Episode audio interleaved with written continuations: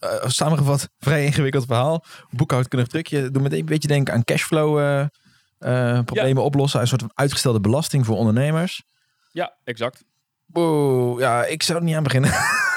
Ja, ik, zou, ik, zou het, eh, ik zou ervoor inderdaad eh, Lekker links laten lekker links laten liggen. Vooral, eh, vooral je jaarruimte volledig benutten en je reserveringsruimtes. En dan eh, maken we van... zullen we voor dan vertalen als fiscaal onnodig risico of zo? Ah, fucking ander risico Ook misschien wel. goed. Ja, mag ook voor mij. Ja, laten we dat doen. Dat zijn jullie woorden. Ja. Oké, dan moet ik, ik wil nou even een simpel onderwerp. Ja, alsjeblieft zeg. Ik, eh, mijn hoofd eh, ontploft al bijna. ja. We beginnen wel altijd meteen eh, goed inderdaad. We beginnen Ja, gelijk dat lekker diep, hè? Ook ja, dat is goed voor de retentie. nee hoor, sorry lieverds. Je luistert naar onze serie over je pensioen. Want dat is nu belangrijk. Ah man, komt later wel goed, toch? Nee, juist nu. Want je dreigt jezelf te naaien als je je jaarruimte niet gebruikt. En dat doen we in samenwerking met Brand New Day. En die leggen ons er alles over uit. Huh? Maar wacht even. Hoezo mag Brand New Day in onze podcast? Zijn de geldvrienden opeens te koop? Nee, vriend, onze mening is niet te koop. Onze tijd wel. En we zijn het vooral ook eens met hoe Brand New Day werkt. Namelijk tegen best lage kosten een simpele manier bieden om je pensioengat op te lossen. Brand New Day is onze vriend. Want ze helpen ons met een gouden lifehack. Zodat jij je gepensioneerde zelf voortaan nooit meer naait. Want zichzelf naaien, dat doet meer dan 60% van de Nederlanders op dit moment wel, toch? Juist, vriend. Liever pak je juist zoveel mogelijk belasting knaken. Oké, luister maar. Eh, Thijs, allemaal leuk en aardig, maar waar doe ik dat dan? Dat pensioen regelen? Ah, simpel joh, boomer. Je gaat naar geldvrienden.nl slash brandnewday en meld je aan. Of klik op de link in de show notes van de podcast. En dat is dan jouw eerste stap naar het niet naaien van je gepensioneerde zelf. En je helpt ons er ook een heel klein beetje mee. Ah, dankjewel vriend. Ja, toedels. Doedels. Hallo vrienden, daar zijn we weer. En dit is alweer de laatste aflevering in de serie over je pensioen met Brand New Day. Eh, en dit, ja, laten we het dan maar gewoon heel, eh, heel nederig. De Grand Season Finale. Yes. Of eigenlijk... Ah. Ah, ja, dat kan ook. Ja, gezellig. Ja, en eh, als het goed is, weet jij, lieve luisteraar, al wat, je, wat jaarruimte is en waarom je moet beleggen voor je pensioen. Eh, weet je dit nog niet? Oké, heb ik even een mega snelle samenvatting. Pensioen bestaat uit vijf pijlers. Je hebt de AOW, Algemene Ouderdomswet. Dus dat is een potje die je sowieso krijgt als je in Nederland woont. Werkgeverspensioen, als jij zo gelukkig bent dat je een werkgever hebt die voor jou pensioen opbouwt. Thanks. Yes, dan heb je nog een pijler, pijler 3, dat is aanvullend pensioen. Wat je werkgever mag storten, komt misschien niet overeen met wat hij daadwerkelijk stort. Dat noem je dan een gat in je pensioen en dat mag je aanvullen. En dat heet dan jaarruimte. Pijler 4, eigen vermogen, huis, eh, je beleggingen die je gewoon altijd zo kan, maar kan opnemen. En er is ook nog een soort onofficiële vijfde pijler en dat is eigenlijk eerder stoppen, langer doorwerken. Of zeggen minder gaan werken, maar wel langer doorwerken. Zoiets. Ja, ja, gewoon wat bijverdienen hè, na je, Wat bijverdienen, ja. ja, dat na je ook. pensionering. En pensionering, ja, dat kan natuurlijk, dat is natuurlijk een ruim begrip. Ja, zeker, zeker. Ja. Ja, ja, ja kort Hoeft nog- niet na je AW te zijn in ieder geval. Nee, daar kan, bedoel kan er ruimte voor. Ja. Ja. ja, jaarruimte. Wij vinden het een no-brainer. Daarom brengen we dit ook zo om de aandacht. Ehm, het, wat ik al zei, het is een gat wat je werkgever eh, mag opbouwen, maar dus niet doet. Dat gat mag je zelf fiscaal voordelig opvullen. Je betaalt er nu geen inkomstenbelasting over. Maar pas later, als je het pensioen laat uitkeren, waarschijnlijk tegen een lager tarief. Plus dat vermogen wat je in dat lijfrenteproduct of een pensioenbeleggingsrekening hebt zitten, eh, telt niet mee voor de vermogensrendementsheffing. En dat is een hele mooie joker. Ehm, en nu vraag je natuurlijk af, hoe doe je dat? Nou, als je het nog niet gedaan hebt, reken die jaarruimte even uit. Brand New Day heeft een heel mooi toeltje ervoor. Kan je ook vinden via de link in de podcast. Ehm, je hebt nog een paar weken om het te storten. Doe het alsjeblieft, want je helpt je latere gepensioneerde zelf echt ermee. Ja, Eh, voor het einde van het jaar hè, want Voor- jaarruimte. Want, ja, want jaarruimte, inderdaad. Oké, Ja. eh, dat was de mega, mega samenvatting. Ja, ja en voor, ehm, voor wie ehm, dit te snel vond gaan. We hebben hier al twee eerdere podcasts over gemaakt. Of luister Luister een die- stukje gewoon tien keer terug. Nee, ja, precies. Dat, dat kun je ook doen. Dan kun je gewoon eventjes op je terug, terugspoelen button drukken. Maar nee, maar goed. Je kunt ook... dit is allemaal besproken in de voorgaande twee podcasts. Namelijk nummertje 31 en 32 over de, ja, je jaarruimte en pensioen. Zeker. En nu, eh, Thomas. Hey. Hey, hij is er weer. Gezellig. Oh. Voor de, de, grand, Se- de grand Season finale. eh, nu gaan we het eh, vandaag hebben over het, eigenlijk het, het stukje... Joepie, je bent oud. Ja. En we gaan het de pensioen eh, uitkeren. Maar daarvoor ehm, misschien even kort, om- goed om wat vragen nog te bespreken. Ja, we Heb hebben echt op de korrel? Of? We hebben echt sick veel vragen gekregen van onze luisteraars. Het is eh, gelukkig... eh, eh, Mooi. het, is, het is tegelijkertijd ja, een onderwerp waar je soms niet over na wil denken. Maar als je erover begint na te denken, dan krijg je snel veel vragen. Ja. En we hebben echt een hoop gekregen. Dus Ja, eh, ja. daar zijn we natuurlijk super, bedank, super dankbaar voor. Want dat, eh, dan weten we ook eh, ja, wat, wat, wat zin heeft om te, om te bespreken. En eh, laten we die dus inderdaad maar meteen pakken. Wil jij eh, beginnen met een eh, met aftrappen met een vraag, Thijs? Nee, doe jij maar. Je hebt, je hebt, je hebt volgens, volgens mij een hele mooie op de korrel waar Ja. ik mee kan beginnen. Ja, ehm, even kijken. Welke zal ik eens doen? Die, ja, die vraag van, ik noem hem maar even Beertje. die stuurde mij, ik word helemaal lijp van die reserveringsruimteberekening. Heb ik dat eerst gedaan op basis van mijn jaaropgave, maar nu hoor ik in de podcast dat ik het doen, moet doen op basis van definitieve belastingaangifte. Waar moet ik nou eigenlijk naar kijken? Moet ik kijken naar het verzamelinkomen? Eh, ja, dat is dus eigenlijk de vraag. Waar moet je naar kijken? Nou, Eh, reserveringsruimte is dus even eh, de jaarruimte, maar tot zeven jaar terug. Even voor de Ja. je, juist. je onbenutte jaarruimte van de, van de afgelopen zeven jaar. Ja, ja. Ja, je pensioengat. Ja, precies. Ehm, wat je dus zou kunnen gebruiken om dat pensioengat eh, wat sneller te dichten dan alleen maar met jaarruimte. Of eigenlijk gewoon een inhaalslag te maken dus. Ehm, en ja, de berekening is inderdaad wel even werk. Eh, dat moet ik gelijk toegeven. Eh, en je jaaropgave is in principe prima. Want daar staat op wat je in een jaar eh, totaal verdiend hebt bij in ieder geval eh, je werkgever. En ervan uitgaande dat eh, Beertje eh, de jaaropgave heeft gebruikt omdat hij of zij dat als voornaamste inkomen had dat jaar. En er niet per ongeluk nog hele dikke ZZP-klussen naast vergeten is of zo. Dat lijkt me heel sterk in ieder geval dat het geval is. Dan, dan zal die jaaropgave voor waarschijnlijk minstens 90% gewoon accuraat zijn en, en, en het juiste inkomen weergeven. Ja. Wil je het tot op de euro nauwkeurig weten, ja, dan is eh, je definitieve belastingaangifte natuurlijk altijd handig. Ja, en, en als je... verzamelinkomen nodig, maar je totale inkomen uit werk en uitkeringen is het, meen ik. Dus het is, Ja, het is een werk en woning. Zeg ik dat goed? Nee, dat Oh. is het. De, ja, dat zeg je wel goed Oh. overigens, maar dat is het totaal van box 1. Ja, oké. Eh, want box 1 is werk en wonen, eh, Ja. werk en woning. Ehm, maar voor als je een koophuis hebt, ehm, is je totale box 1 inkomen uit werk en wonen eh, dan soms anders dan je totale inkomen uit werk en uitkeringen. En dat Ja. gaat om die laatste. Die laatste telt namelijk mee voor je jaarruimte. En, eh, dus je moet eigenlijk een subtotaal hebben in plaats van eh, helemaal onderaan het staartje de, de dikgedrukte totale uit box 1. Ja.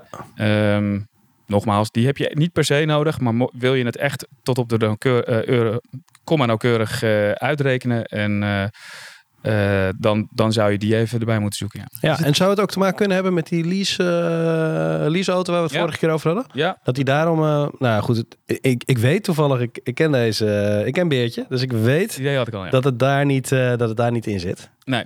Het zit hem echt in... eh, in de, gewoon de, ja, de basisvraag. Is het, gaat het hier om... eh, om- is de jaar, jaaropgave eigenlijk genoeg? Of moet ik het definitieve pakken? En eh verzamelinkomen is dus geen, speelt dus geen rol. Nee. En jaaropgave is in de meeste gevallen dus goed genoeg. Ja. Ja. En dan, heeft hij, eh, dan is er nog een tweede vraag. Ehm, en dat is, een, eh, dat, is, dat is er nog eentje van eh beetje. Ik wil gebruik maken van de fiscale oude dag- dagreserve en daarnaast van jaarruimte en reserveringsruimte.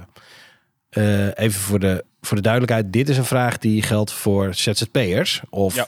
Ondernemer. Ondernemers, ondernemers ja. in het algemeen. ondernemers met een eenmanszaak, eh, VOF of eh, CV. Ja, Ah ja, kijk. Nou ja, Ja. goed. Dus inderdaad, maar dat geldt dus niet voor, voor, eh, voor de werknemer, maar voor de ondernemer. Fiscale oude dagsreserve, een regeling. En kun je daarnaast ook gebruik maken van de jaarruimte en de reserveringsruimte. En dan was er nog een deel 2 vraag, maar ik denk dat we die kunnen laten. Ehm, ik vind dit het belangrijkste eigenlijk. Kun je gebruik maken van de fiscale oude dagsreserve en daarnaast van jaarruimte en reserveringsruimte? Ja dat kan. Eh, je voor is daarentegen wel altijd een, een vast percentage eh, van iets meer dan bijna 10, bijna 10% eigenlijk, iets meer dan 9 in ieder geval, ehm, van je winst uit onderneming. Ja. En die winst uit onderneming is als ondernemer ook gelijk eh, het inkomensbedrag wat je meeneemt voor je jaarruimteberekening. Ja. Dus, ehm, en dit is misschien een wat technische uitleg, dus ik zal hem straks proberen simpeler toe te lichten. Maar eh, dat percentage van iets meer dan 9%, ehm, die, eh, zo- zo'n percentage zit ook in de jaarruimteberekening en die is maximaal 13%. Dus je, eh, je moet flink meer hebben verdiend dan wat je maximaal aan, je, aan voor opzij mag zetten. Wil je daar ook nog jaarruimte bovenop hebben. Dan gaat het sowieso om een heel behoorlijk inkomen. Namelijk minimaal twee keer modaal. Ik denk nog iets meer zelfs. Dus dat je eh, om hiervoor in aanmerking te komen... moet je als ondernemer dus minimaal 80.000 euro per jaar eh, winst uit onderneming hebben. Ja, winst hè? Dus niet omzet, maar winst. Winst, ja. ja dus En dat is dan- van kosten en eh, investeringen, et cetera. Precies, dus dan heb je al die aftrekposten gehad en dan heb je 80.000 euro winst over. Ja. ja dan ga je wel, belasting over zou dan ga je wel heel dik over de ton qua omzet. Ja, waarschijnlijk wel, ja. ja. Ja. En ehm, eh, wat veel voorkomt op zich, dus het, het, het kan. Eh, maar pas vanaf die situatie eh, eh, zou het kunnen zijn dat je dus, eh, als je gebruik maakt van je oude dagsreserve, wat al een, wat een eerste keuze is, dan, dan zou het kunnen dat je er dus ook nog wat jaarruimte bovenop hebt. En die zal ik dus nog eigenlijk eh, iets simpeler proberen uit te leggen.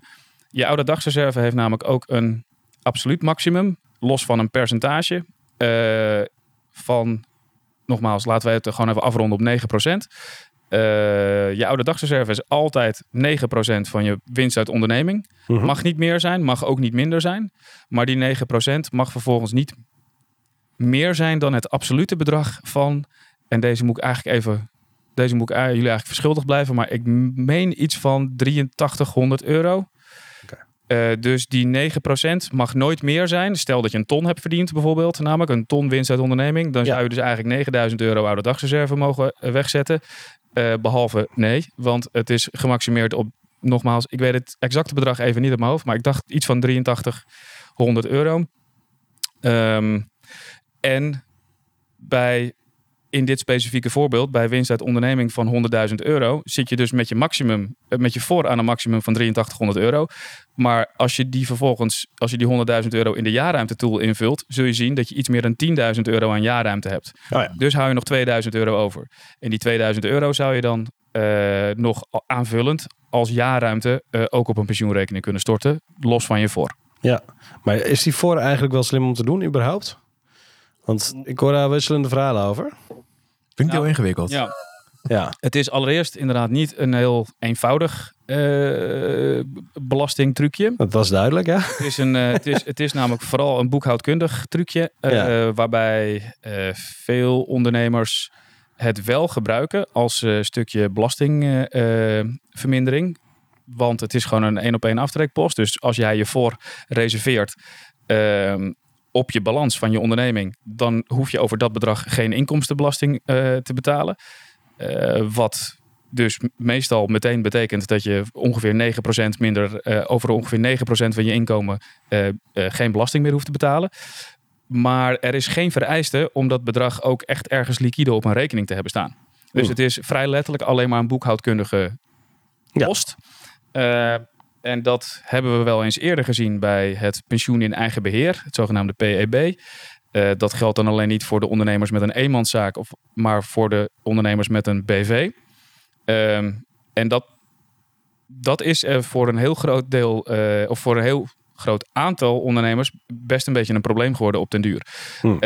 Wederom niet, niet zo heel interessant waar, hoe, dat, hoe dat komt, maar het heeft er eigenlijk heel kort gezegd mee te maken dat je eh, dat de Belastingdienst dus een eh, groot deel van ondernemend Nederland de mogelijkheid gaf om minder belasting te betalen door gewoon iets op hun balans te plaatsen zonder dat er een liquiditeit tegenover hoefde te staan. Ja. Nou, en dat gaat voor veel mensen natuurlijk eh, uiteindelijk niet meer goed.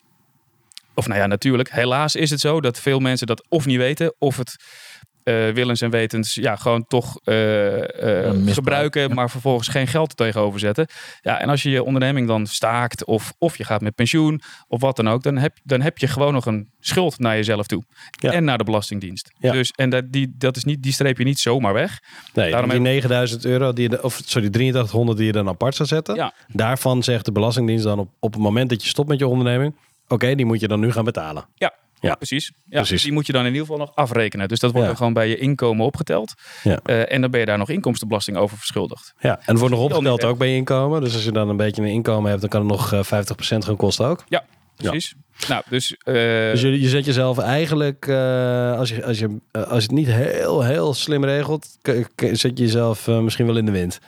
Geen problemen eh, mee ja, het heeft, het heeft in ieder geval ten opzichte van de jaarruimte niet zo heel veel voordelen. Nee. Behalve dat je het van de Belastingdienst dus eventueel tussentijds ook aan andere dingen mag uitgeven. Ja. Dus dat als jij je oude dagsreserve op de balans zet eh, en je hebt die 8300 euro ook toevallig gewoon keurig op een, eh, op een eh, zakelijke spaarrekening of al op een pensioenrekening staan, dan zou je in de tussentijd ehm, het wel tijdelijk kunnen gebruiken voor investeringen of Ja. voor inkoop bijvoorbeeld. Het is, het is ooit bedacht, Ja. denk ik. eh, althans, ja, nou, ik weet eigenlijk vrij zeker dat het gewoon ooit bedacht is voor eh, ondernemers die gewoon echt te maken hebben met inkoop en in- en verkoop. Dus waar, waar kosten voor de baten uitgaan, zeg maar. Ja. Zodat je in, ten tijde van, nou ja, drukke periodes zoals nu, voor ik, noem wel, ik roep wat, een banketbakker of zo. Die gewoon in de maand december eh, even twee keer zoveel eh, omzet draait en twee keer zoveel verkoopt. Eh, maar dat in eh, oktober, november eh, niet even snel out of pocket eh, kan financieren allemaal. Ja. Nou, da- daarvoor, voor dat soort ondernemers zijn, eh, oh, sorry, zijn deze eh posts bedacht. Ja. Maar laten we wel wezen, de, de gemiddelde ZZP'er, of eigenlijk ik denk 95% van alle Ja. ZZP'ers heeft niet veel meer nodig dan een laptop en een koffiezetapparaat. En daar Ja. hoef je dus niet duizenden Nee, euro's nee. aan pensioen op, voor op je eh, balans te reserveren. Want dat slaat nergens op. Dan kan je het beter gewoon eh, eh, veilig en, eh, en helemaal waterdicht, fiscaal afgetikt en waterdicht op een pensioenrekening zetten. Dan, dan dat je het Hm. met dit soort ingewikkelde constructies gaat doen. Oké, oké. Dat is samengevat vrij ingewikkeld verhaal. Boekhoudkundig trucje. Doe me een beetje denken aan cashflow problemen oplossen. Een soort van uitgestelde belasting voor ondernemers. Ja, exact. Wow, ja, ik zou er niet aan beginnen. Ja, ik, zou, ik, zou het, eh, ik zou ervoor inderdaad eh, Lekker links laten lekker links laten liggen. En vooral eh, vooral je jaarruimte volledig benutten en je reserveringsruimtes. En dan maken we van, zullen we voor dan vertalen als fiscaal onnodig risico of zo? Ah, fucking ander risico Ook misschien wel. goed. Ja, mag ook voor mij. Ja, laten we dat doen. Dat zijn jullie woorden. Ja. Oké, dan moet ik, wil nou even een simpel onderwerp. Ja, alsjeblieft zeg. Ik, eh, mijn hoofd eh, ontploft al bijna. ja, want we We hebben het... beginnen wel altijd meteen eh, goed inderdaad. We beginnen Ja, gelijk lekker diep, hè? Ook zo. Ja, het is goed voor de retentie. Ja. Nee hoor, sorry lieverds. Ehm, ja, ik wilde wel weten van, eh, ik ben aan het opbouwen, mijn pensioen. Dus ik heb een jaarruimte benut ik. Ik ben eh, al 20 jaar, 30 jaar aan het opbouwen. En op een gegeven moment denk ik, nou, ik wil mijn pensioen. En dan? Hoe, hoe, wat gebeurt er met die pot geld? Hoe krijg ik het naar mezelf uit? Kan ik het gewoon naar mezelf overmaken? Of, Ja. eh, Ben je in deze hypothese al AOW gerechtigd of eh, nog niet? ja, ik ben... eh, Dus je, ma- mag ik ook drie jaar voor mijn AOW-leeftijd? Of maakt het uit voor het van mij wel. Ja, het maakt wel uit, ja. Zullen we dan AOW-leeftijd? Laten we zeggen, ik ben, ik, ben AOW-gerechtigd. Ja, precies. We gingen simpel, toch? We gingen simpel. Ik ben Ja. AOW-gerechtigd en eh, ik eh, ga, wil mijn pensioen uit uitkeren. Ja, nou, Een aanvullend pensioen. daar is, eh, ja, precies. Dus je eigen, je eigen pensioenpot, die je gewoon helemaal zelf hebt opgebouwd, eh, die kan je vanaf je AOW-leeftijd dan eh belastinggunstig laten uitkeren. Ehm, gunstig omdat vanaf je AOW-leeftijd de eh, inkomstentarieven die je betaalt, eh, de belastingtarieven, Ja. eh, fors naar beneden gaan. Mhm. Dus je hebt er tot op dat moment eh, nog geen belasting over betaald. Want alles wat je op je pensioenrekening stort, wordt belastingvrij gemaakt. Dus Mhm. of je betaalt het niet als je ondernemer bent, of je krijgt je inkomstenbelasting terug als je gewoon in loondienst bent. Mhm. Ehm, en dus is het een belastingvrij potje met centen op, de, op het moment dat je het wil laten uitkeren. En als je dat dus na je AOW-leeftijd laat uitkeren, ga je daar ook nog eens in de uitkeringsfase aanzienlijk minder belasting over betalen. Ehm, en hoe je dat regelt is eigenlijk heel simpel. Nou nee, laat ik beginnen met de voorwaarden. Eh, je hebt vanaf je AOW-leeftijd vijf jaar de tijd om er een uitkering van aan te kopen. Dus het Mhm. hoeft niet meteen. Eh, het kan ook rond je zeventigste of ver na je zeventigste, afhankelijk Ja. van wanneer je, met, eh, wanneer je AOW gerechtigd raakt. Ehm, en vervolgens is er een voorwaarde over hoe lang het moet uitkeren en hoe hoog het jaarlijkse bedrag mag zijn. Mhm. Hoe lang is dus eh, minimaal vijf jaar ook wederom. Eh, dat is een andere vijf jaar dan net. Want Ja, ja. het moet binnen vijf jaar, maar het mag vervolgens ook eh, niet, Niet korter korter duren dan, dan vijf jaar. En nou ja, hoe lang maakt voor de rest echt niet uit. Dat bepaal je helemaal zelf. Daar zit dan alleen nog één voorwaarde bij, die in ieder geval op dit moment ook nog geldt. Eh, en dat is dat je uitkering niet meer mag zijn, dus je lijfrenteuitkering, niet meer mag zijn dan 22.000 euro per Per jaar. jaar. Dus iets minder dan 2000 euro per maand. Eh, Ja, wel een stuk meer dan de AOW. het is Maar een stuk meer dan de AOW. Eh, er is ook een goede kans dat, eh, dat deze grens wat wordt opgerekt. Mhm. inflatie of andere redenen. allereerst, ja, tuurlijk. Hij stijgt sowieso altijd een beetje mee inderdaad met alle inflatiecorrecties. Maar er is, nou, de, aangezien eh, deze derde pijler, hè, waar we het steeds over hebben, dat lijfrenteverhaal, Mhm. eh, de pensioenpot die je helemaal zelf regelt, ehm, de ruimtes die je daarvoor hebt, dus de jaren- en reserveringsruimte, die eh, gaan zeer waarschijnlijk niet per aankomend jaar, maar het jaar erop, met het ingaan van de nieuwe pensioenwet, worden die zeer waarschijnlijk een heel stuk groter. Dus dan kan je, mag je veel meer opzij zetten voor je eigen pensioen. En in het verlengde daarvan is het dus ook heel logisch, zou het heel logisch zijn, als je uitkeringsmaximum dus ook eh, eh, wat wordt eh, opgerekt. Omdat je anders aan de voorkant, bij wijze van spreken, wel heel erg veel ruimte krijgt om het op te bouwen. Maar aan, aan de achterkant heel beperkt om het weer te laten uitkeren. Mhm. Ja, ja. Dus daar zullen ze waarschijnlijk aan, beide, aan beide zijden wel wat aan doen. Maar dit zijn aannames van mij. eh, wel gebaseerd op wat er op, momenteel naar de Eerste Kamer wordt gestuurd ook bijvoorbeeld. En wat er aan memo's over de pensioenwet Mhm. eh, rondgaan. Ehm, en het ziet ernaar uit dat het wel eh, echt zo gaat gebeuren. Maar dat is allemaal toekomstmuziek. Terugkomend op de vraag is dat de uitkering dus eigenlijk door jou zelf bepaald wordt. Vanaf je AOW-leeftijd binnen vijf jaar voor minimaal vijf jaar. En hoe lang precies mag je dan zelf weten, zolang het maar op dit moment in ieder geval nog niet boven die 22k per jaar uitkomt. Ja, ja, ja. Ja. En hoe, doe- hoe doe ik dat dan? Een Is dat, is, ter- tussendoor. ja? Bij, bij Brand New Day is het volgens mij zo dat je kunt kiezen voor een, voor een uitkering van 20 jaar maximaal? Of kun je ook voor, je- voor een levenslange of 40 jaar kiezen of 30 jaar kiezen? Of als je denkt ik word Nee, 110 jaar 30 oud? maximum inderdaad. 30 is het Ja. maximum. Ja. Oh. Ja. Ah, ja. Eh, er zijn overigens wel echte levenslange uitkeringen. Dus dat je je pensioenpot echt voor eh, oneindig, namelijk tot overlijden, eh, laat uitkeren. Eh, maar dat moet bij een verzekeraar. Want Ja. dat is een, daar zit een risicofactor in. Dus een verzekeringscomponent waar je echt een verzekering voor moet afsluiten. is het dan ook een stuk minder voordelig voor mij als pensionado dan? Om het bij een verzekeraar af te sluigen? Dat, dat, dat het bedrag, omdat zij risico moeten rekenen, lager wordt in uitkering? Uiteraard. Ja, hoor. kun je- kun je iets- daar gewoon een risico-fee over natuurlijk. Weet je ongeveer hoeveel dat is? Maar wat van zijn de percentages verschillen? Of, eh, Ik denk dat dat ook heel erg ligt aan het, aan het bedrag wat je komt brengen en eh, de 2,5 ton. uitkering die je daarvan van wilt eh, hebben en zo. Ja, Maar reken er maar op dat ze, je- dat, ze, je- dat ze je daar wel op, voor, op ja, ze pakken hoor. moeten, ze moeten erop Want dat is, zo'n, dat is zo'n zekerheidje wat je bijna niet eh, hoeft te hebben. Bijna niet. Maar waar verzekeraars van denken, ah, daar, kunnen we even, daar kunnen we goed voor rekenen. Want het is een, zo'n, zo'n onduidelijk... Het is een onduidelijke leeftijd. Zij kunnen het makkelijk uitrekenen wat de gemiddelde Nederlander oud wordt en zo. Mhm. Maar als jij denkt, nou, als jij, als jij van jezelf gelooft dat je misschien wel 120 wordt, dan, denk de verze- dan vindt de verzekeraar het prima om tot die tijd jou een uitkering te verkopen. Maar dan gaat natuurlijk sowieso, gaat het maand, maandbedrag daar niet eh, veel van, Nee. gaat er flink van omlaag. Is, er een, is er een soort van wijsheid hierin wat je mensen adviseert? Of, eh, Nee, eigenlijk niet. Ehm, want eh, de, de inrichting van, eh, van het pensioenleven eh, is eh, zo verschillend voor iedereen. Ja, dat, daar, daar valt niet echt een advies over te geven. Nee. Ehm, en verzekeraars mm, hebben hier gewoon inderdaad het voordeel, het voornaamste voordeel, dat ze het echt levenslang aan je mogen uitkeren. En dat is voor vooral ondernemers eigenlijk, die eh, hele grote serieuze pensioenpotten opbouwen Ja. over een periode van 30 jaar uiteraard. i- is dat in sommige gevallen eh, niet eens anders mogelijk. Eh, dan, het kan dan alsnog wel bij bij, bij een bij Brand New Day bijvoorbeeld, waar je dan een, een bankspaarproduct krijgt. Dus in plaats van een verzekeringsproduct om uit te keren, neem je dan fiscaal gezien een bankspaarproduct af. Eh, wat gewoon een rekening is waar het bedrag op wordt gestort. En wat eh, die rekening keert dan periodiek iets aan je uit.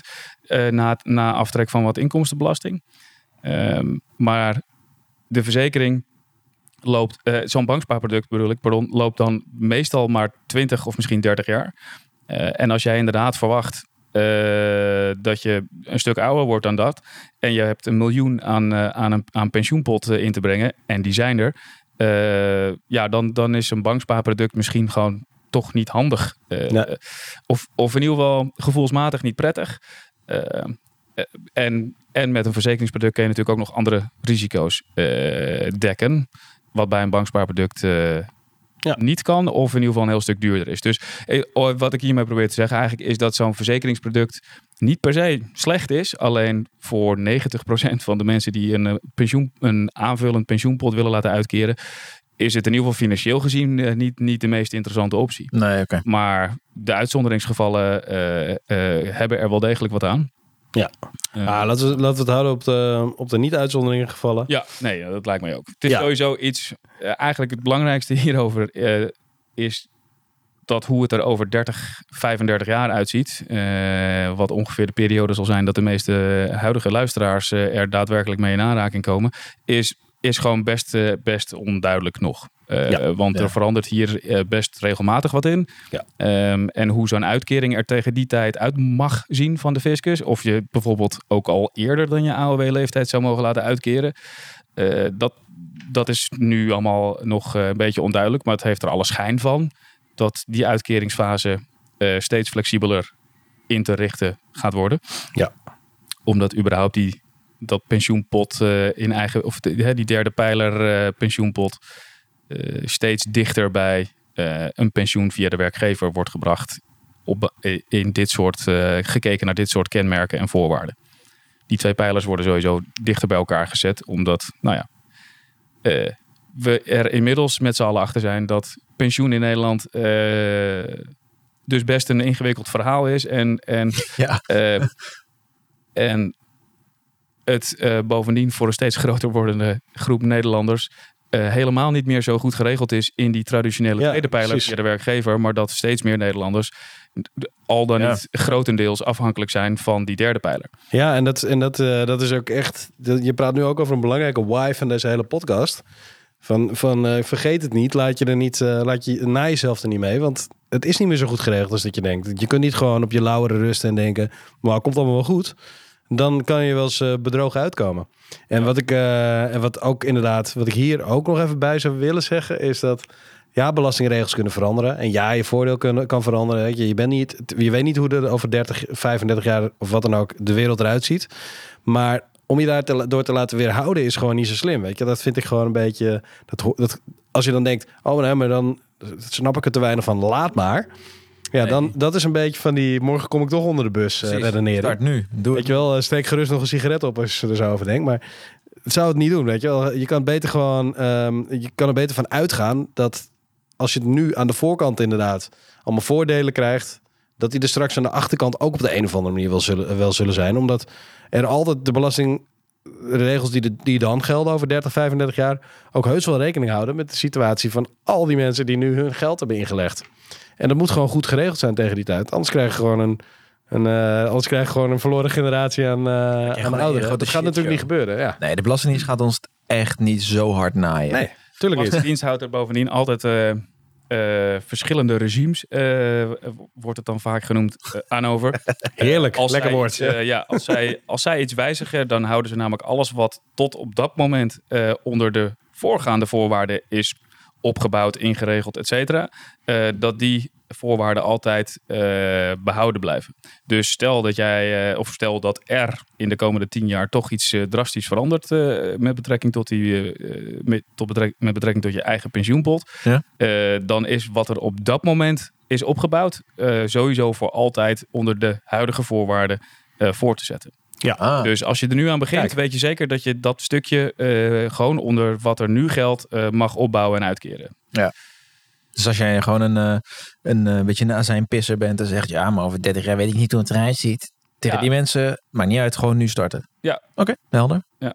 Dat is de boodschap, toch? Zeker. Start nu, gewoon doen. Ja. Ja. Nice. Ja, misschien kom je morgen onder de bus, maar dan heb je in ieder geval, ben je in ieder geval met een gerust hart onder de bus gestapt. Ja, Ja. precies. Sla- je hebt in ieder geval die dagen. Later. Ja, precies. Heb je die dagen in ieder geval lekker geslapen. Ja. Ja, nee, het kan gebeuren, maar ja, eh, als je je daardoor laat weerhouden, dan eh, is het gewoon niet handig. Nee. Zou je net zien dat je niet onder de bus stapt? Verdomme, jammer.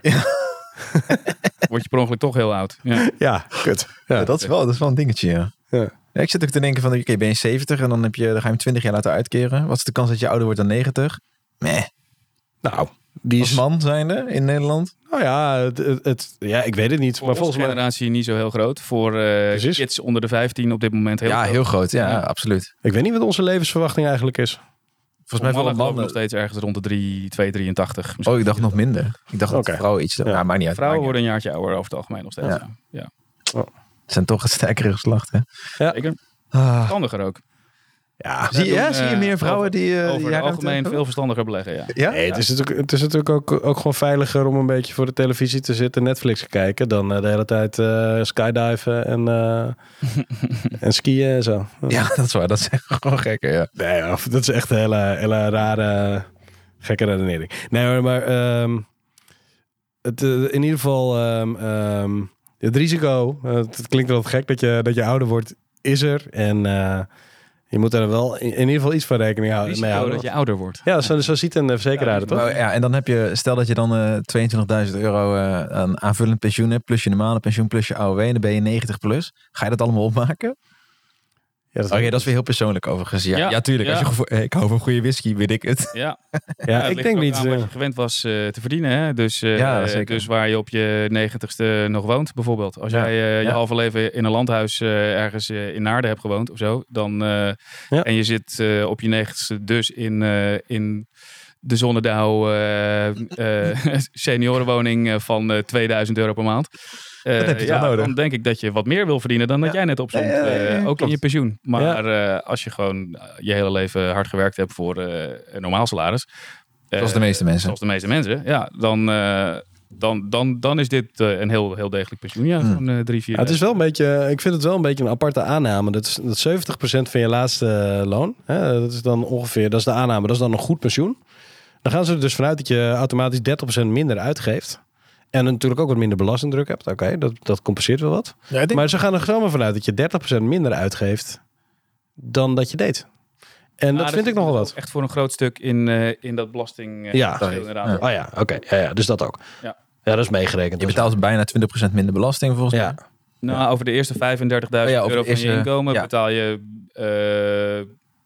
Nee, Ja, even kijken. Ja, het percentage zou ik niet durven zeggen, maar je 19,5. moet je terugrekenen dan inderdaad. Ja, 19,5. Maar hoeveel is dat van 37, eh Oh, 37,5? Dus ik zou zeggen, eh, je betaalt ongeveer 35% 40% misschien wel minder eh, belasting na je AOW-leeftijd dan wat je nu doet over je inkomen. Bij- ja, en heb je het over modaal inkomen of zo? eh?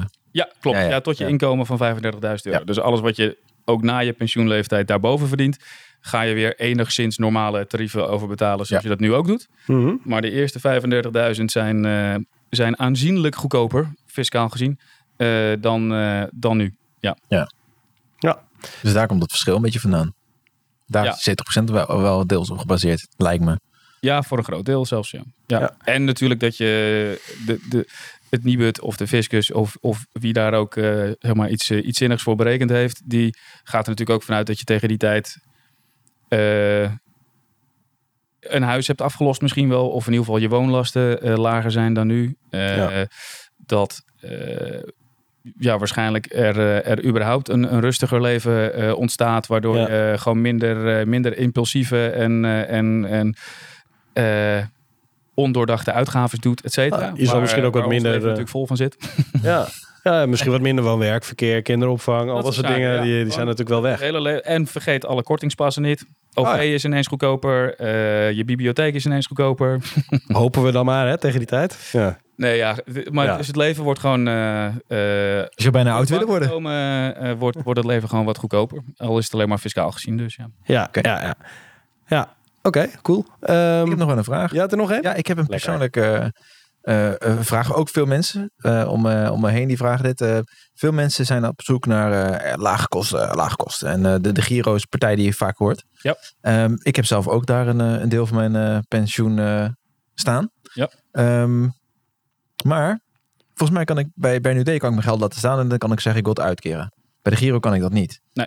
Wat, ehm, hoe, hoe- dan kan ik dan dat geld overboeken naar, eh, naar Brand New Day of naar eh, nou ja, een andere partij om dat pensioen uit te laten keren? Of hoe werkt dat eh, dan? Want ik weet dat er veel mensen zijn die in mijn situatie zitten, die daar niet over nagedacht hebben. Nee, nou, ik, ik zou het ruim voordat je het gaat uitkeren al laten overboeken naar Brand New Day.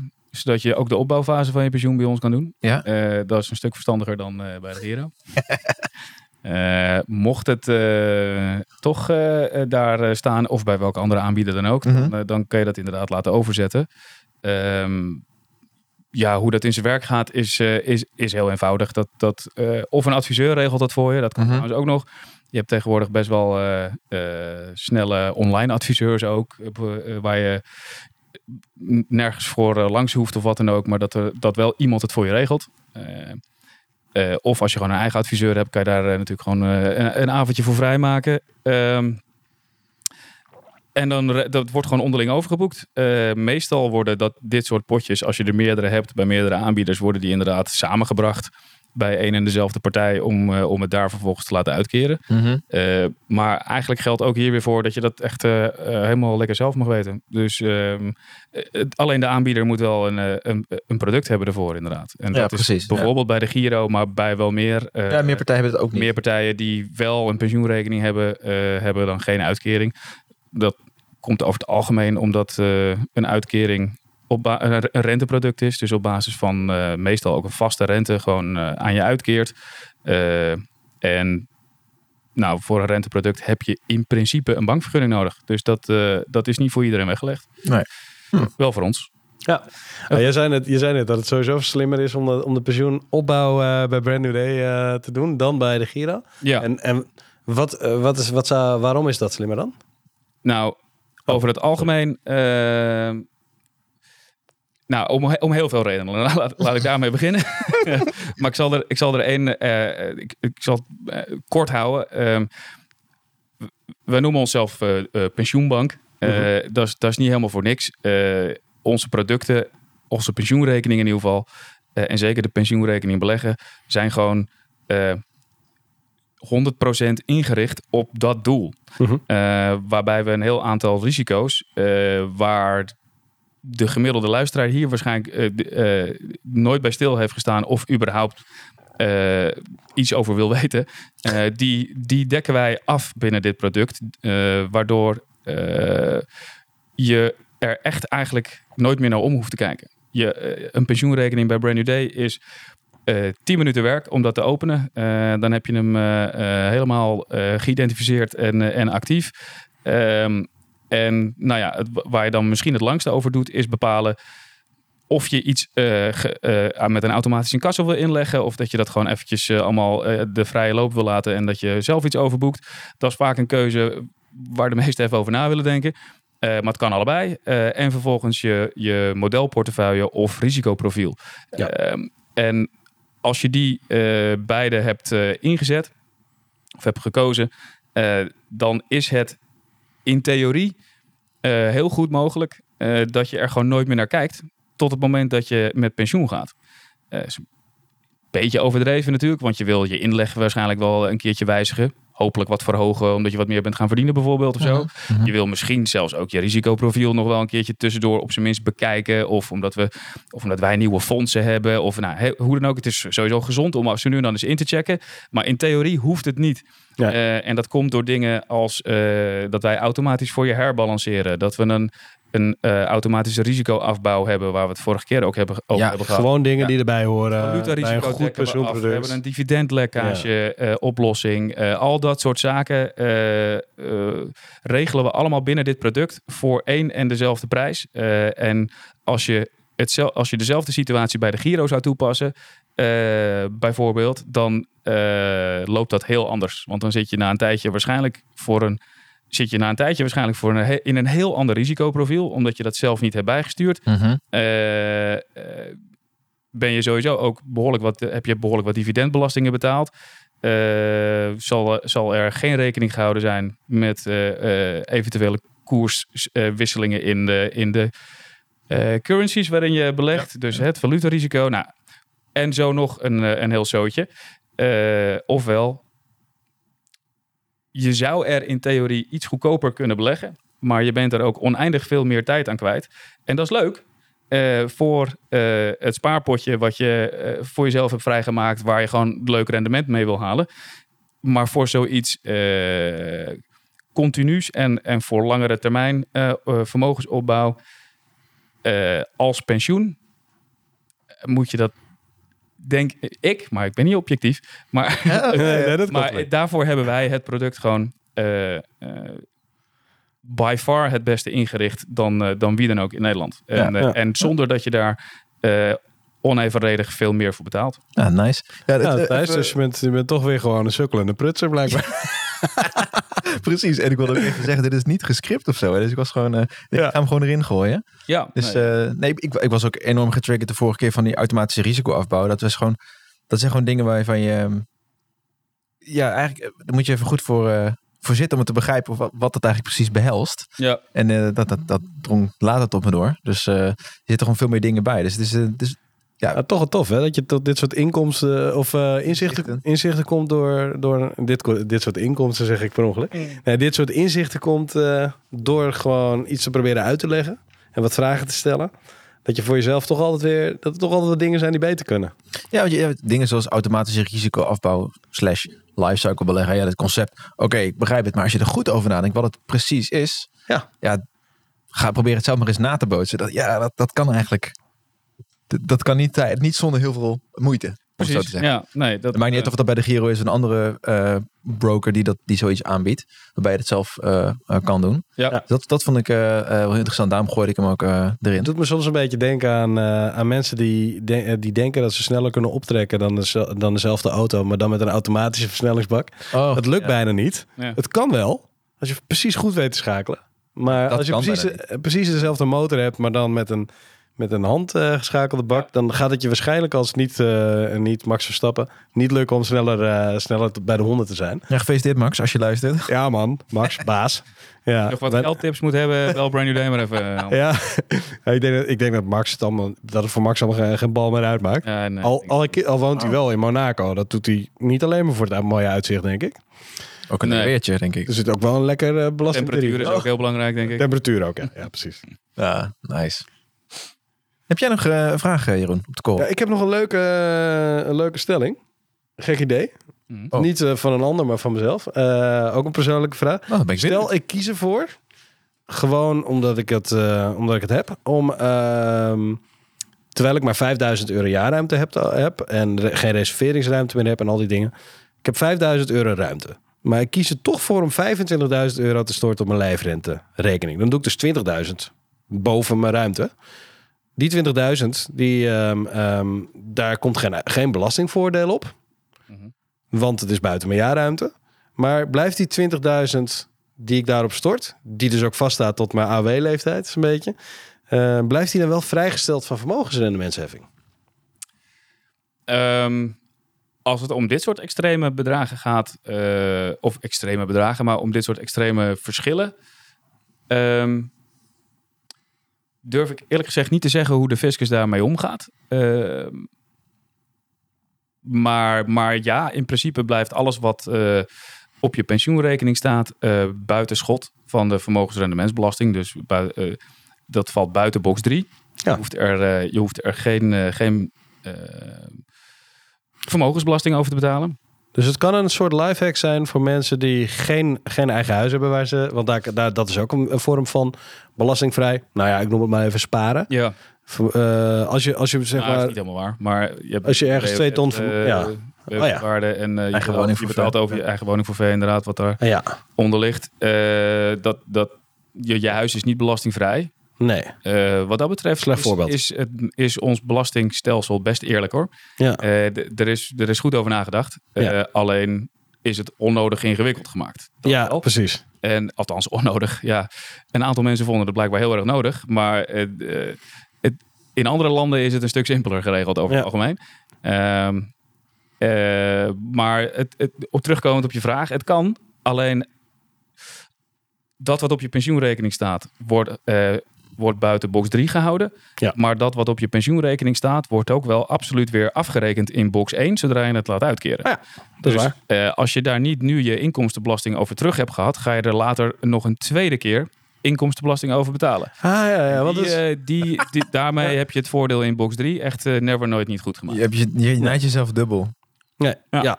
Ja. nou ja, misschien, misschien, kun je, misschien kun je het. Dat is goed dat je het zegt, maar als je 30 jaar lang geen vermogensrendementsheffing betaalt over het geld. En je hebt enorm veel geld op andere Ja, rekeningen precies. staan, dan zou het, een, dan zou het op termijn eh, misschien iets meer voordeel kunnen opleveren. Maar, Maar, je zet het ook nog eens een keer. Je blokkeert dat geld ook nog eens een keer tot je AW leeft. Oftewel, nee, dit is gewoon geen slimme lifehack. Niet Gewoon doen. een recipe voor disaster. Want Dit is vraag om problemen. Ja. gaat, ik kan me niet zelf voorstellen dat de Belastingdienst dit, dit, dit oké vindt. Want die krijgt toch gewoon gegevens van jullie Ons? door bijvoorbeeld. Ja, Ja, ja. Ja. Dus als ze die zien van nee, die heeft 25.000 euro gestort. Die gaan toch even, er gaat toch iets van een belletje rinkelen. Dan zeggen ze gewoon ja, eh, of je betaalt een boete of je moet het terug. eh, Ja, doe het, Storten of doe het eens met een gekke voorbeeld. Stel, je kiest ervoor om dan bijvoorbeeld twee ton te storten. ja, twee ton. Je hebt vijf, vijf k jaarruimte. Ja, Ja, ik kan me niet voorstellen dat ze dat. Nee, daar laten gaat, gaan, daar gaat heus wel een, een rood vlaggetje omhoog dan eh, bij de Belastingdienst. Maar Precies. Wat gebeurt er dan? Ja, ik ben wel benieuwd. ja, geen Ja. idee. Dat, eh, dat zou ik ook niet durven Nee, maar dan nog, hè, dan heb je dus nog steeds het probleem dat je op, het op de dag dat je het laat uitkeren, dat je over die twee ton gewoon, eh, gewoon flink belasting gaat betalen. Ja, nou, Ja. er is nog wel En een je- tussen, tussenoplossing voor. Ja. Je mag namelijk, ehm, het gebeurt namelijk regelmatig, dat mensen toch, eh, maar dan niet dit soort bedragen, maar een paar tientjes of een paar honderd euro te veel hebben gestort. Ja. Ehm, en als je dat een probleem vindt, eh, wat bij een paar honderd euro natuurlijk al wel snel het geval is, dat wil, je, hebt niet, je wil niet een paar honderd euro te veel hebben gestort, waar je dan geen belasting over terugkrijgt bijvoorbeeld. Precies. Eh, en wat vervolgens ook inderdaad voor een hele lange periode vaststaat en zo. Is gewoon, nou, zou ik ook terug willen hebben. Dat kan. Eh, als het eh, binnen drie maanden eh, gesignaleerd is, dan, dan zijn er mogelijkheden om dat gewoon weer vrij te maken uit de Ah. Heeft het langer geduurd, ehm, dan kan je er ook altijd nog een saldoverklaring. onafgetrokken lijfrentepremies is de volledige naam. Oh ja. voor aanvragen bij de Belastingdienst. Ehm, of eigenlijk indienen bij de Belastingdienst. Dat is gewoon een formulier wat je van het internet kan plukken. En dan geef je aan in welk jaar, eh, welk bedrag je per ongeluk te veel hebt gestort. En dan eh, eh, ja, oormerken ze dat eigenlijk als eh, eh, reeds netto geld. Eh, en dan, hoef je er in de, dan blijft het wel op de pensioenrekening staan.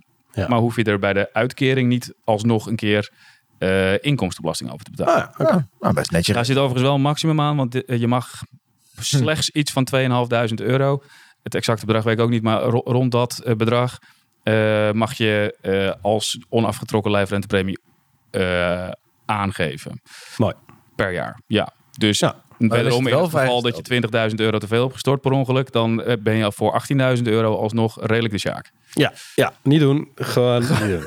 gewoon niet doen. Ja, nee, maar het is, Jammer, het is wel eens leuk om te weten hoe dat zit. Oh, dus jij zit gewoon s'avonds lekker op de bank dit soort plotjes te bedenken. Hoe kan ik nog Om te bedenken hoe je belasting kan ontwijken. Nou ja, nee, ik vind het gewoon interessant om te weten of er wat, wat kan. En of er, of er ergens nog een, eh, ik noem het live hacks, eh, of er nog ergens een live hack bestaat die we niet weten. Dat is altijd leuk. Maar vaak is het zo dat dit soort dingen dus al op de een of andere manier zo geregeld is dat je er beter niet aan kunt beginnen. En dat is, dat is hier dus ook weer het geval. Het heeft zelden echt voordeel in ieder geval, ja. Ja. En ik heb nog een andere lifehack, denk ik. We spreken wel eens vaker over de kinderbijslag, toch? Ja, Dat je de kinderbijslag van je kind stort op een beleggingsrekening of zo. Dan heb je ook een, eh, een kindrekening. ja eventjes terug, die kinderbijslag. Mag ik hem even Ja, uitleggen? ga je gang. Ja. natuurlijk. Maak het simpel, jongen. Een van, de, een van de dingen die ik zelf heb gedaan is toen mijn dochter werd geboren, toen eh, kreeg ik er twee dingen bij. Namelijk één, een dochter. en twee, ehm, Geld. een, eh, een, een extra uitkering van de, van gewoon die iedereen krijgt, kinderbijslag. Ongeacht eh, je financiële situatie krijgt iedereen altijd hetzelfde bedrag aan kinderbijslag. Nou, laten we zeggen dat dat afhankelijk van de leeftijd van je kind, maar ik geloof dat het acht of negen tientjes per maand is. Ehm, en die acht à negen tientjes per maand ben ik gewoon vanaf dag één En dat, dat wordt dan per kwartaal uitgerekend. Ik stort het dan ook gewoon op het moment dat het binnenkomt. Ben ik gewoon vanaf dag één zijn we dat eh, op de kinderrekening gaan zetten. En dat betekent dus dat ik straks eh, dat, dat er ongeveer ieder jaar nou, ongeveer 1000 euro eh, op die rekening bij komt. Los van alle rendementen is dat al een, een spaarpot van 18.000 euro op, op het moment dat je kind 18 is. En daarbij wordt er natuurlijk normaal gesproken, dat, dat mag je niet. Dat is, dat, is, eh, dat is natuurlijk geen garantie, maar je mag erop rekenen dat het gewoon rendeert. Dus ik heb zo berekend dat het wel eens makkelijk een potje van 50, 60.000 euro zou kunnen worden. Tegen de tijd dat mijn dochter 18 is. En dan, eh, dan ben ik al een heel eind op weg met haar eh, helpen met de studie en dergelijke. Dus dat vind ik een fantastische lifehack. Het is een geldbedrag wat je nog niet had. En dat wordt. En, en, en dat, dat zorgt ervoor dat je eigenlijk haast niet meer bij hoeft te sparen voor de studie van je kind. Ja. Dus als iedereen, dat, die dat, iedereen die een kind krijgt, dat op die manier. En je moet het ook kunnen missen natuurlijk, want de kinderbijslag is er niet voor niks. Maar als je het kunt missen, kan ik iedereen aanraden om dat gewoon te gaan beleggen op dat moment. En waarom niet sparen? Nou, omdat sparen over 18 jaar gewoon niet zo slim is. Want 0% rente maken. Ja, je geeft er zoveel mee op. Hebben we in de vorige podcast Ja, besproken. En, en bij Dat- elke andere podcast. Ja, en wij vinden dat je dat hoort te beleggen. En zeker als het om een periode van 18 jaar gaat. Eh, dus de kinderbijslag. En waar, hoe ga je dat nou op een handige manier regelen? Tada! Dat gaat Thomas uitleggen. Ja. ja. Nou ja, klopt. We hebben een, eh, een, een kinderrekening. Ehm, en dat is een, een rekening op naam van een minderjarige. Eh, dus bijvoorbeeld je dochter, inderdaad. Ehm, die dien je wel als wettelijk voogd te openen, uiteraard. Dus je bent als wettelijk voogd hopelijk en meestal gewoon de ouder ze- zelf. eh, Mhm. ben je daar de beheerder van tot, eh, tot het eh, kind zelf 18 en dus voor de wet volwassen is geworden. Mhm. Ehm, en dan wordt de rekening op zijn of haar naam gezet. Ehm, en is het vo- voornaamste voordeel dat je er geen schenkbelasting meer over hoeft te betalen. Ja, want als dat je- 50k is, dan Ja. zit je daar al snel aan. Precies, normaal gesproken, je mag als ouder op dit moment zo'n 6000 euro per jaar eh, belastingvrij geven, schenken aan je kinderen. Ja. En eh, de rest van de wereld eh, mag dat tot een bedrag van ongeveer 2500 euro Ja, doen. ja. Je mag als, als natuurlijk persoon tot 2500 euro van wildvreemden eigenlijk, maar meestal gaat het om opa's en oma's en ooms en tantes natuurlijk, ontvangen aan, aan, aan belastingvrije schen- schenkingen. Ehm, en nou, als je dat allemaal bij elkaar optelt, eh, dan kom je inderdaad, eh, als er dus zomaar 2.000, 3.000 euro per jaar op zo'n kinderrekening wordt gestort, dan zit je na 18 jaar inderdaad, afhankelijk van de beleggingsresultaten en hoe je dat überhaupt instelt, eh, haal je als het goed is een heel, heel fijn rendement en zit je rustig op 30, 40, misschien inderdaad wel 50, 60.000 euro wat, wat zo'n kind dan bij volwassen worden op naam gezet krijgt. Nee, pardon. Eh, ik bedoel, dat, sta, dat stond dus al al die tijd op naam. Ja. Eh, en dus eh, is er geen schenkbelasting meer over verschuldigd. Wat- Het is gewoon van hem of haar. Dat ja, ja. het bedrag is gewoon al van hem of haar. Ja. En dat scheelt normaal gesproken bij dit soort bedragen, scheelt dat dus iets van. eh, nou, over een heel groot deel van zo'n bedrag betaal je anderzijds dan iets van 5, eh, twin- nee, pardon, 20% schenkbelasting. Ehm, Dat is best wat. en dat is best wat, ja. Ja. Ja. Ja. Ja. 20% belasting betalen over een schenking. Stel je, zo, je kiest er wel voor om 50.000 euro te geven. Zo van, hè, je, je gaat nu studeren. Hier heb je het geld gewoon. Dus zie maar hoe je je hele studie doorkomt. Ik zou het eerder in porties uitdelen. Dat is misschien een slimmer idee, maar goed. Stel je doet dat. 50.000 euro storten. Moet je 10.000 euro belasting betalen. 10. 10, veel te veel man. Veel te veel geld, toch? Zonde. En, en tijdens die periode is het ehm, geld dan vrijgesteld van vermogensrendementsheffing? Of eh, telt het bij eh, de, de ouders eh inbox eh, 3 gewoon mee? Ja, dat laatste. Dus het is, Helaas. ja, het is geen, Niet echt een geen, lifehack. geen vrijgestelde pot met, met centjes. Je betaalt er inderdaad, of iemand betaalt er vermogensrendementsbelasting over. En dat is doorgaans de persoon die dus als wettelijk voogd Ja. verantwoordelijk is voor het kind. Ja. Ehm, en eh, het voornaamste voordeel zit hem dus wel eh, echt alleen maar in die, eh, in, de, in die In schenkbelasting. de schenkbelasting, ja. ja. Ik Ja. moet overigens even corrigeren dat eh, voor ouder kind is de schenkbelasting slechts 10%. Eh Oh. Dus Dus maar 5000 euro. ja, ja, Nou, hebben ze nog steeds zonder geld ja, het, natuurlijk. scheelt, het scheelt gewoon nog steeds Ja. serieus geld inderdaad. Ehm, eh, en dan nemen we nog niet eens mee eh, dus dat je... nou, er gewoon doorlopend eh, eh, mooi rendement eh, op krijgt. Ja. Waar je uiteindelijk ook weer diezelfde schenkbelasting over moet betalen. Ja, en ik vind het ook gewoon leuk dat je een rekeningetje hebt die ook echt op haar naam staat en zo. Weet je, wel. dat is voor mij, dat, dat, dat heeft natuurlijk verder geen, geen fiscaal voordeel, maar het is gewoon wel leuk dat je een rekening hebt die gewoon echt op haar naam staat en die ook echt van haar is. Ja. En ehm, heel misschien, maar dat is, een, dat is ook weer een beetje, een, beetje een expert question. Ehm, stel, je gaat uit elkaar. Mhm. Dan heb je misschien, is dat misschien ook al wat beter geregeld. Jij en dan, je wanneer, kind? dan wanneer het. Nee.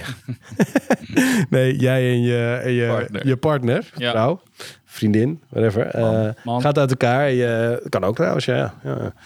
Ehm, maar eh, wat- dan is dat dan misschien Ja. ook wat beter geregeld, denk ik. Nou, Omdat het op be- naam staat beter van. weet ik niet. Maar, eh, maar eh, als je met beter bedoelt dat er, eh, dat er geen conflict kan ontstaan over eh, wie de studie betaalt en van wie dat geld is, bijvoorbeeld, Ja. dan, dan, is, dan is het beter geregeld als je het Ja, precies. Want het geld is gewoon van het kind. Daar, daar kunnen beide ouders niks meer aan doen. Nee. Ehm, eh, en het, ja, wie, wie de beheerder is, zou er in theorie wel wat mee, zou er in theorie wel aan kunnen komen. Ehm, maar dan, ja, dat, de- dan houdt het kind altijd een rechtelijke vordering, op, eh, op dat bedrag wat is opgenomen. Ja. Eh, nou, ik denk niet dat je dat als ouder naar je kind wil. Ehm, dus nee, in principe is het, is het dus best goed geregeld wat dat betreft dan, ja. Ja. Ja. Ja, ik vind, het, ik vind dat zelf wel echt wel een, eh, een, een leuke lifehack die ik een keertje heb eh, toegepast.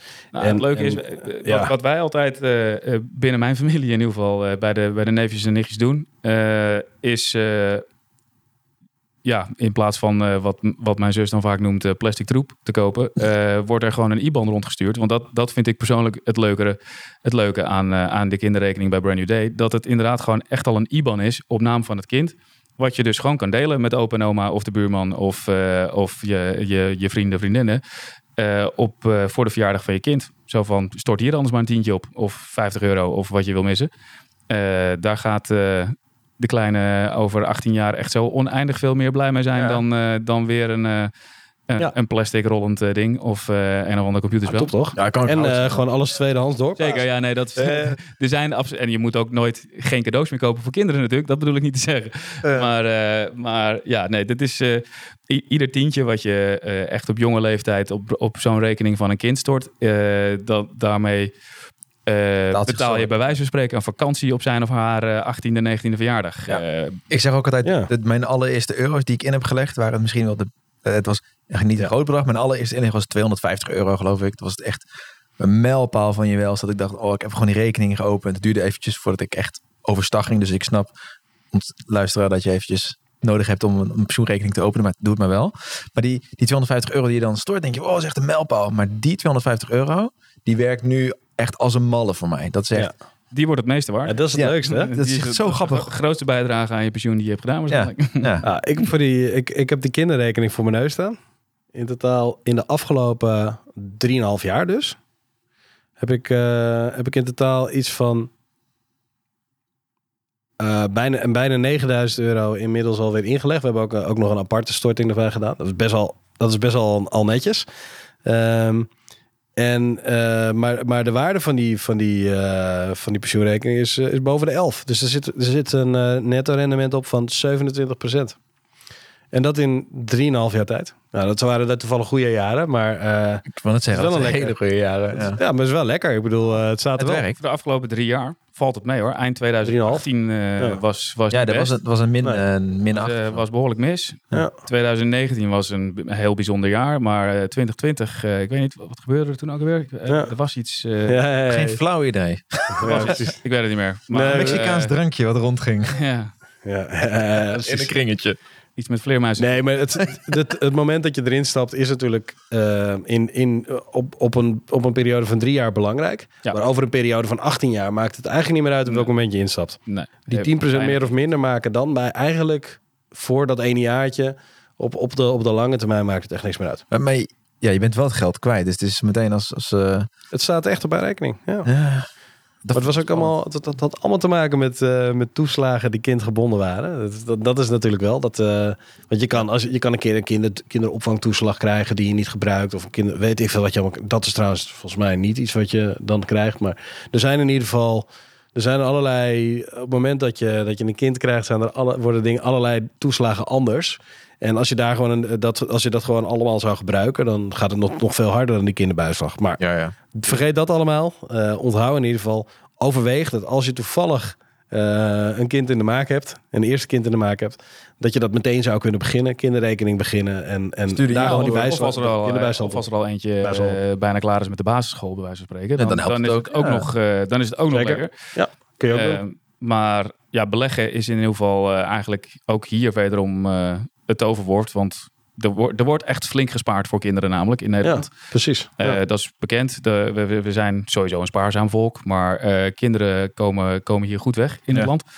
Eh, zeker tegenwoordig. Ehm, maar op een spaarrekening zetten is, nou ja, zoals al vaak, eh, vaker hier behandeld, eh, ook een goed idee, maar wel eigenlijk, eigenlijk wel zonde. Want je doet in ieder geval iets en dat is het belangrijkste. Maar het is op dit moment, eh, zeker gezien de nu extreem lage rente, eigenlijk wel zonde van je, van je, Ja. van je vermogen als je dat niet gewoon eh, voor een goed deel ook een beetje belegt. Mhm. Eh, want het rendement over inderdaad minimaal 18 jaar, eh, of sorry, minimaal in dit geval 18 jaar is, eh, is gewoon eigenlijk altijd prima. Ja. En in ieder geval meer dan, dan je rente nu. Ja, ja, blijft er natuurlijk bij horen. Kun je het missen? Maar dat is, nou Ja, het dat, dat is het mooie. Dat, dat, vraag, ja. de meestal is het zo dat, ja, dat je, er verandert wel iets aan je, aan je, aan je uitgaven. Kinderen zijn natuurlijk niet goedkoop. Daar is de kinderbijslag voor bedoeld. Maar veel mensen, als ze het vanaf het begin niet meerekenen in, een- bij hun eigen inkomen, gaan ze, gaan ze hun, eh, hun inkomen zo verdelen dat ze toch uiteindelijk wel redden. Met het, met het bedrag wat er over is. Als je de kinderbijslag dus maar gewoon vanaf het begin niet meerekent, dan denk ik dat je een grotere kans hebt om het nooit echt nodig te gaan hebben in je leven. Ja. Terwijl als je hem wel meerekent, dan kan het gebeuren dat je er een deel of, of alles van nodig gaat hebben, omdat je gewoon je levensstijl iets aanpast. De lifestyle creep.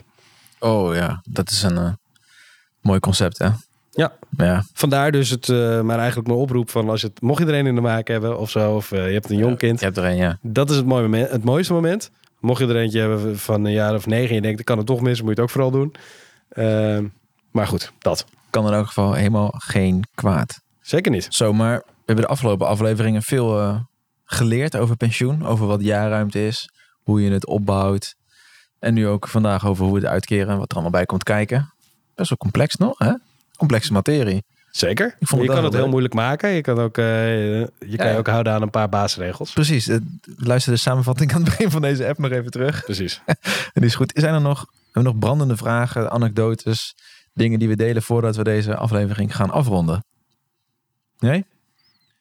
Nee, voor mij niet. Ik eh, hoop dat het inderdaad wederom eh, duidelijk was eh, voor, de, voor de lieve luisteraars. Ja, ik denk En zo niet, eh, kunnen ze vast via jullie bij ons terecht. absoluut. Ja. Absoluut. Ja, dus dan eh, Thomas, hartelijk dank. Jullie ik eh, vond het leuk. Ja, super nice. Dankjewel. En ehm, luisteraar, heb je je jaar- jaarruimte of reserveringsruimte al gecheckt? Doe dat dan sowieso even. Je hebt nog een paar weken de tijd. Eh, meld je dan aan via geldvrienden.nl slash brand new day en open een rekening, stort je jaarruimte, pak die belastingknaken. Eh, of open een kinderrekening hè, voor je kind of een kind in de maak. En als je vragen hebt, we hebben een gloednieuw e-mailadres. De vragen zijn al binnengestroomd op info.geldvrienden.nl. Ja, ik vind het wel cool? Info.geldvrienden.nl. Geef het door. En vertel het even aan een koffiezetapparaat bij, eh, bij Raymond van HR. Uiteraard, word vriend van de show. En doneer. En denk na over je pensioen. Doe er iets. Nee, neem actie voor je pensioen.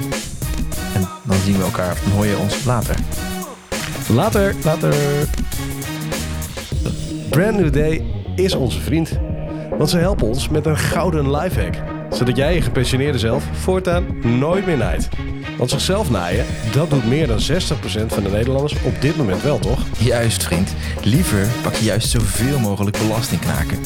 Eh, Thijs, allemaal leuk en aardig, maar waar doe ik dat dan? Dat pensioen regelen? Ah, simpel joh, boemer. Je gaat naar geldvrienden.nl slash brandnewday en meld je aan. Of klik op de link in de show notes van de podcast. En dat is dan jouw eerste stap naar het niet naaien van je gepensioneerde zelf. En je helpt ons er ook een heel klein beetje mee. Ah, dankjewel vriend. Ja, toedels. Doedels. Lieve geldvrienden, jij bent verantwoordelijk voor je eigen keuzes. Wij proberen je alleen te helpen aan een betere mindset over geld. Zodat jij ook een financieel eindbaas kan worden. De inhoud mag op geen enkele wijze opgevat worden als financieel advies.